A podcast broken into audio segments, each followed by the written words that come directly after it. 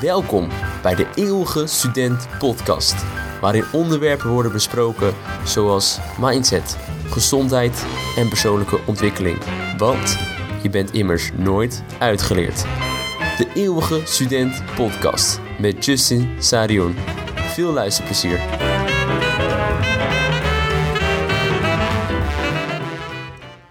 Een lifestyle coach vertelde een tijdje geleden tijdens een TED-talk de kracht van het vertellen van een verhaal over jezelf. En deelde een cliënt, een ondernemer. En deze ondernemer was een alleenstaande vrouw met een eigen IT-bedrijf zonder personeel, die ze ja, eigenlijk runde vanaf haar zolderkamer. En dit was ook precies het probleem. Deze jonge ondernemer kwam niet helemaal rond. En ze had natuurlijk een kind waar ze moest voor zorgen, stond er alleen voor. En zoals wij het zeggen, een kantoor had ze niet echt, die we, dat wij zien als kantoor. En dat vertelde ze ook haarzelf.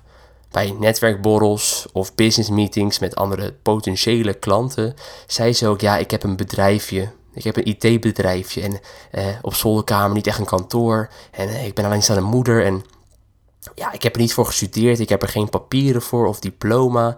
En doordat ze dit verhaal tegen anderen vertelde, maar ook tegen haarzelf, durfde ze ook niet veel te vragen voor haar diensten. Waardoor ze ook eigenlijk net maar een beetje rondkwam en niet echt groei ervaarde in haar bedrijf, die ze wel wilde. Toen schakelde ze de lifestyle coach in van de TED Talk. En die ging met haar zitten. En heel simpelweg, ze ging niet inderdaad een plan maken, een nieuw business model, eh, kijken naar personeel, kijken naar nieuwe machines. Nee, ze begon eigenlijk bij de kern van het bedrijf, gewoon bij haar. En het verhaal die ze vertelde tegen andere mensen, maar vooral tegen haarzelf. En zij zei: Als jij je niet zelf op waarde schat, hoe kan je verwachten dat je klanten dat gaan doen? Hoe kan je verwachten dat de klanten de werkelijke prijs gaan betalen voor jouw dienst als jij zelf niet de werkelijke prijs ervoor vraagt? Want wat bleek, het product of de dienst die zij gaf was eigenlijk heel goed, van hele goede kwaliteit. Alleen ze durfde dat niet te vragen, omdat ze dit verhaal om haar heen had. Van alleenstaande moeder, bedrijfje, geen papieren, eh, geen kantoor. Dus de opdracht was eigenlijk best simpel. De lifestyle coach zei tegen haar: We gaan het volgende doen. Bedrijfje wordt bedrijf. Zolderkamer wordt simpelweg kantoor. Alleenstaande moeder hoeft niet vermeld te worden. Je bent gewoon een IT'er. Dat doe je, dat is je dienst. Dus praat erover. Verder, geen diploma, niet gestudeerd voor te hebben, wordt veel ervaring. En die lage prijs van je, die gaan we opschroeven. Want je geeft een goed product. Ze was natuurlijk heel bang om dit te veranderen, want ja, dit was niet zomaar een paar veranderingen in haar bedrijf. Dit was het hele verhaal van haar leven, haar hele identiteit die ze ja, haarzelf had verteld en zelf had gecreëerd. Dus simpel, ja, makkelijk niet. Maar ze ging er toch mee aan de slag. En wat bleek? Ze kreeg minder klanten. Einde verhaal. Nee, dat was niet het einde verhaal. Ze kreeg inderdaad wel minder klanten, maar ze vroeg meer voor haar dienst. En ze kreeg minder klanten, maar de klanten die ze erbij kregen, die ze hield, betaalden er meer voor en gingen meer in haar geloven. Ze zagen inderdaad, hé, hey, dit is een hele goede dienst. En doordat ze haarzelf op waarde schatten, gingen haar klanten dat ook doen. Dus uiteindelijk was ze beter af.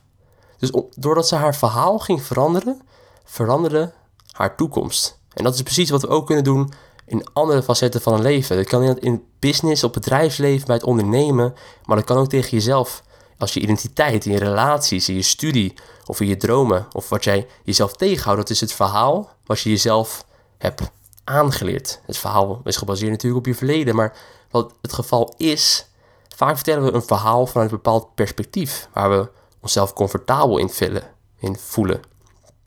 Maar in werkelijkheid hoeft dat niet per se echt gebeurd te zijn. Dat zien we heel vaak als Feyenoord tegen Ajax speelt en na het, uh, na het einde van de wedstrijd heb een gesprek met een Ajax supporter en een Feyenoord supporter. En je zou bijna denken dat je twee verschillende wedstrijden hoort. Terwijl ze dezelfde wedstrijd hebben gezien. Dat zien we ook bij mannen en vrouwen als ze aan het daten zijn of net voor de eerste keer iets hebben gedaan. Een heel ander verhaal, terwijl in werkelijkheid was het hetzelfde gebeurtenis. Maar dat is hetzelfde ook hoe wij het verhaal tegen ons vertellen. En dan komt door het volgende. In de communicatiewetenschap en psychologie hanteren ze het ook vaak. Dat gedachten die je hebt, die bepalen je emoties.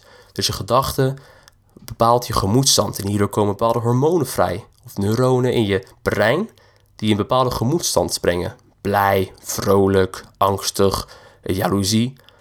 En deze emoties leiden tot verschillende acties. Je kan je voorstellen als je jaloers bent, heb je misschien wel ervaren, heb je hele andere acties of handelingen dan als jij vrolijk bent of liefdevol of juist open staat om te geven.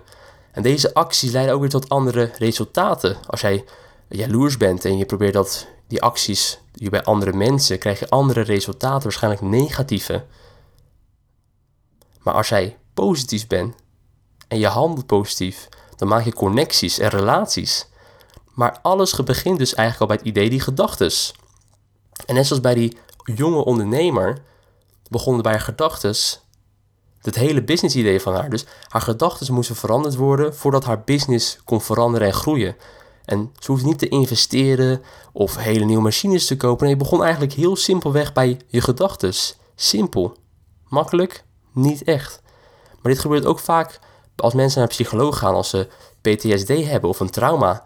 Want de gebeurtenis kunnen we vaak niet veranderen. Inderdaad, als je misschien bent verlaten door je vader, of je bent alleen weer met je moeder opgegroeid, of je hebt iets heel ergs meegemaakt, uh, terreur, misschien inderdaad een ongemakkelijke situatie, beroofd, noem het allemaal op. De gebeurtenis is gebeurd. Dat kan helaas niet veranderd worden. Maar het verhaal eromheen wel.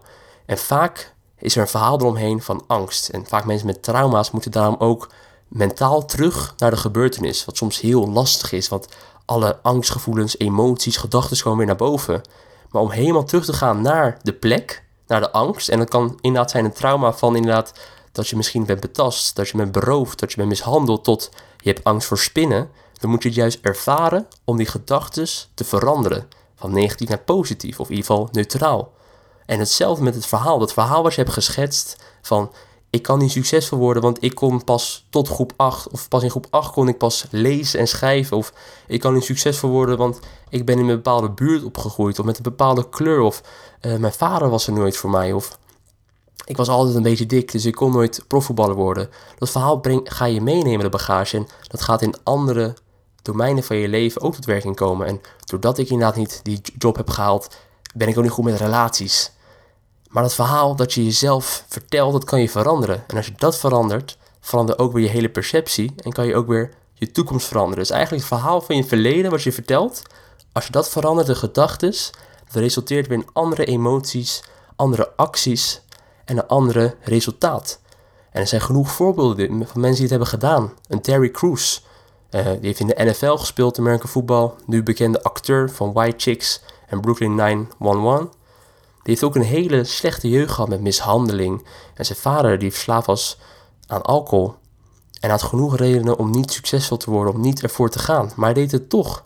En David Goggins, de schrijver van Can't Hurt Me, die ook heel veel geweld en onzekerheden, stress en angst in zijn jeugd heeft meegemaakt, zelfs racisme.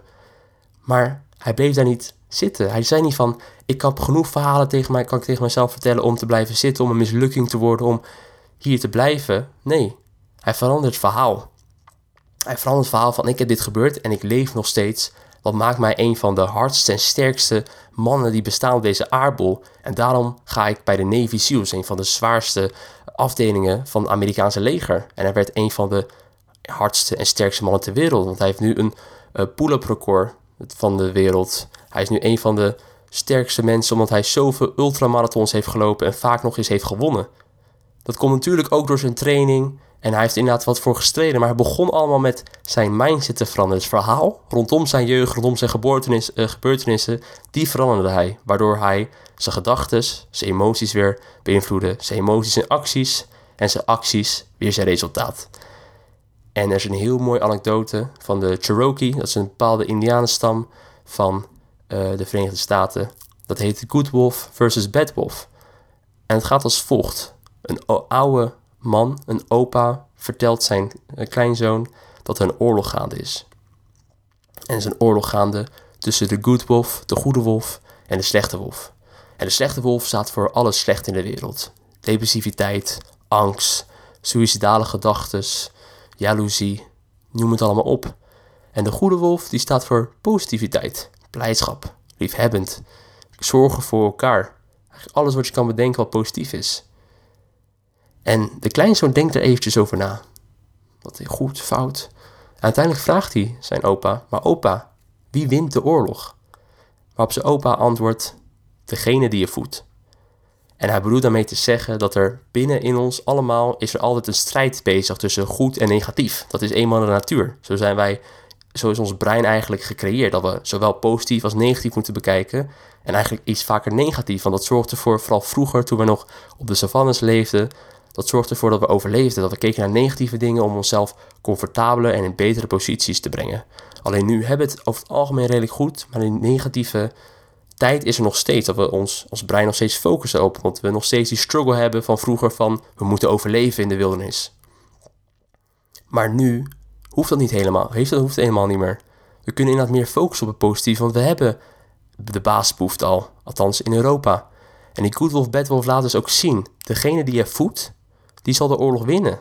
Dus als je inderdaad een negatief verhaal om jezelf heen vertelt, jezelf maakt, dat zal weer reflecteren naar anderen, waardoor andere mensen je ook zo gaan behandelen.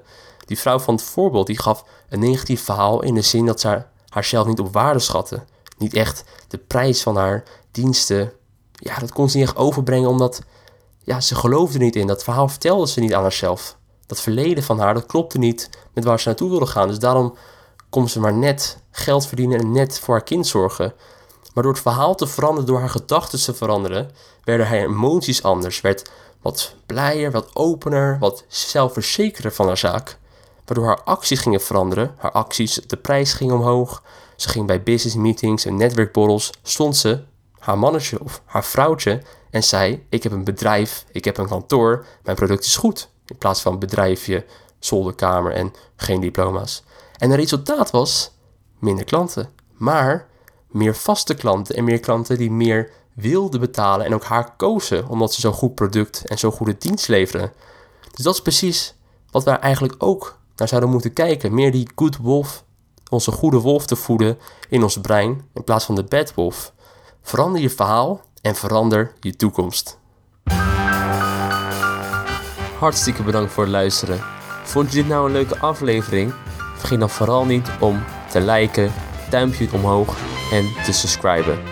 En vergeet ons ook niet te volgen op social media. YouTube, Soundcloud, Instagram, Facebook en LinkedIn. Gewoon onder de naam De Eeuwige Student Podcast. Nogmaals bedankt en tot de volgende keer. Dit was De Eeuwige Student Podcast met Justin Sarion.